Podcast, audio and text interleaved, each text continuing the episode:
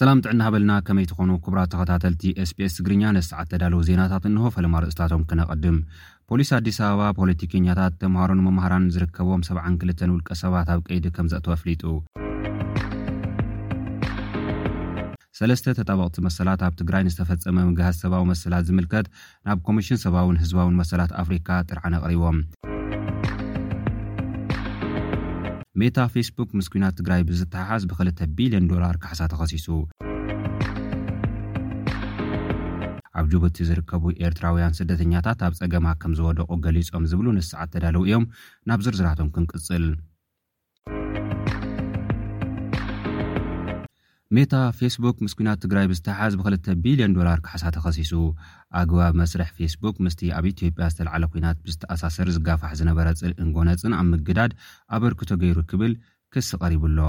ኣብርሃም መዓርግ ወዱ ነቲ ብፌስቡክ ድሕሪ ዝቐረበሉ ጸለመ ዝተቐትለ መምህር ዩኒቨርሲቲ ባህርዳር ኮይኑ፣ ሓደ ካብቶም ኣንጻር ሜታ ክሲ ዝመስረቱ ሰባት እዩ። እቶም ከሰስቲ ነቶም ኣብ ፌስቡክ ግዳይ ጽለኣ ዝኾኑ ክልተ ቢልዮን ዶላር ካሕሳ ክኽፈሎምን መስርሕ ኣልጎሪዝም እቲ ማሕበራዊ ሚድያ ክቕየርን ሓቲቶም ኣለዉ። ሜታ ኣብ ቁጽጽርን ቴክኖሎጂን ብዙሕ ገንዘብ ከም ዘውጸ ገሊጹ ኣሎ። ወኪል እቲ ትካል፣ ዘረባ ጽልእን ጎንጽን ምልዓል፣ ሕነ ሕጊ እቲ ትካል ከም ዝጻባእ ብምሕባር፣ ኣብ ኢትዮጵያ ዘለና ናይ ድሕነትን ግልጹነትን ስራሕቲ ካብ ስቪል ማሕበራት ውሽጢ ብእንረኽቦም ርእይታታት ዝምራሕ እዩ ኢሉ። ኣቡኡን ኣብርሃም ኣብ ዝሓለፈ ዓመት እዩ ግዳይ ኣብታ ሃገር ዝተወለዐ ኲናት ኮይኑ ዘሎ። ብ ሰለስተ ሕዳር ክልተ ሽሕ ዕስራን ሓደን ፕሮፌሰር መዓርግ ኣማረ ካብቲ ዝምህረሉ ዝነበረ ዩኒቨርሲቲ ባህርዳር ናብ ገዝኡ ኣብ ዝኸደሉ እዋን፣ ኣብ ሞተር ሳይክል ኮይኖም ብዝሰዓቡ ዕጡቓት ኣብ ኣፍደገ ገዝኡ ዝተቐትለ እዩ። እቶም መጥቃዕቲ ዝፈጸምሉ ሰባት ስለ ዘፈራርሕዎም፣ ነቲ መጥቃዕቲ ዝረኣዩ ሰባት እኳ ክሕግዝዎ ከም ዘይከኣሉ እዩ ወዱ ኣብርሃም ገሊጹ ዘሎ። ፕሮፌሰር መዓርግ ድሕሪ ሸውዓተ ሰዓታት ኣብቲ ዝወደቐሉ ቦታ ህይወቱ ከም ዝሓለፈ'ውን ተሰሚዑ።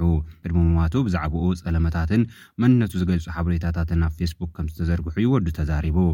ዋላ'ኳ ኣብቲ መተግበሪ ብዘሎ መውሃቢ ሓበሬታ ኣቢሉ ናብቲ ትካል ጥርዓን እንተቐረበ፣ እዋን ክሳብ ዝሓልፍ እቶም ልጣፋት ከም ዘይተኣልዩ'ዩ ወዲ ገሊጹ ዘሎ። ብሰንኪ'ዚ ድማ ፕሮፌሰር መዓርግ ግዳይ ሞት ከም ዝኾነ ተገሊጹ ኣሎ።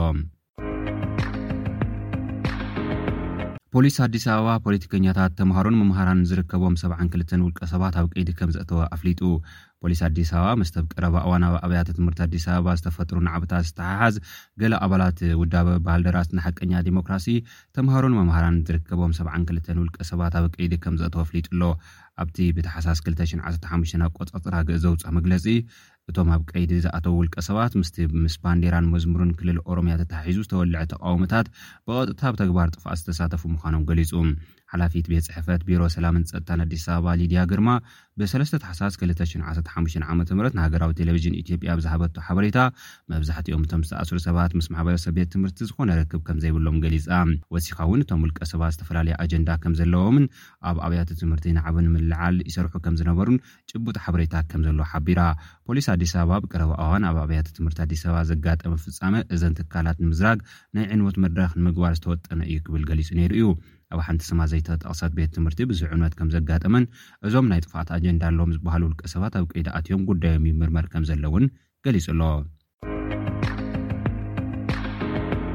ሰለስተ ተጣበቕቲ ብመሰላት ኣብ ትግራይ ንዝተፈጸመ ምግሃስ ሰብኣዊ መሰላት ዝምልከት ናብ ኮሚሽን ሰብኣውን ህዝባውን መሰላት ኣፍሪካ ጥርዓን ኣቕሪቦም።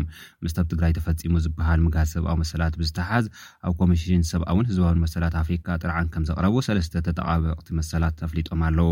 እቲ ኣብ ልዕሊ ኢትዮጵያ ቀሪቡ ዘሎ ክስታት ንግዳያት ናይቲ ግጭት ብምውካል ዝቐረበ ምዃኑ እቲ ዝወፀ መግለፂ ኣረዲኡ። እቲ ጥርዓን ብክልተ ኣብ ለንደን ዝርከቡ ትካላት ሕግን ሓደ ኣብ ታንዛንያ ዝርከብ ማሕበረሰብ ሙያ ሕግን ዝቐረበ እዩ። ኣብዚ ጥርዓን ብዘሕዝን ዛንታታትን ጅምላዊ ቅትለትን፣ ዘይሕጋዊ መርሸንቲ፣ ሰፊሕን ጨካንን ፆታዊ ዓመፅን ፆታዊ ጎነፅን፣ ኣልማሚት መጥቃዕቲ ኣየር፣ ደብዳባትን ኣብ ልዕሊ ኣገደስቲ ሲቪላዊ ትሕተ ቅርጺታት ዝወረደ መጥቃዕትን ዝምልከቱ ክስታት ከም ዝተገልጹ እውን ተሓቢሩ ኣሎ። እዚ ንፈለማ እዋን፣ ተጋሩ ግዳያት በቲ ኢትዮጵያ ኣብ ትግራይ ዓለምለኻዊ ሕጊ ከም ዝጠሓሰት ክውሰን ዝኽእል ኣካል ዝስመዐሉ ዘለዉ እዩ ክብል እውን እቲ መግለጺ ሓቢሩ ኣሎ። ኣብ ጅቡቲ ዝርከቡ ኤርትራውያን ስደተኛታት ኣብ ጸገማ ከም ዝወደቑ ገሊጾም። ኣብ ጅቡቲ ኣሌዴህ ኣብ ዝበሃል መዓስከር ካብ ሸሞንተ ክሳብ ዓሰርተ ኣርባዕተ ዓመት ከም ዝተቐመጡ ዝዛረቡ ኤርትራውያን ስደተኛታት ብዋሕዲ መግብን መሰረታዊ ቀረባትን ይሳቐዩ ከም ዘለዉ ንድምጺ ኣሜሪካ ኣብ ዝሃብዎ ሓበሬታ ተዛሪቦም። እቶም ስደተኛታት ዝያዳ ዘሰክፎም ግን ናይ ሕጂ ዘይኮነስ ናይ መጻኢ ኣንፈቶም እውን እዩ። ገለ ካብቶም ስደተኛታት ኣብ ዝሃብዎ ርእይቶ ካብቲ ዘለውዎ ዓጸቦ ክወጹ ዝምልከቶ ኣካል ክተሓባበሮም እውን ፀዊዖም ኣለው። ክቡራት ተኸታተልቲ SBS ትግርኛ ንሰዓት ተዳለወ ዜና እዚ ይመስል። ኣብ ቀጻሊ ብኻልእ ትሕዝቶ ክንራኸብ ኢና። ክሳብ ሽዑ ሰሰናዩ ንምነየልኩም። ሰላም፣ ደሓን ቀንዩ።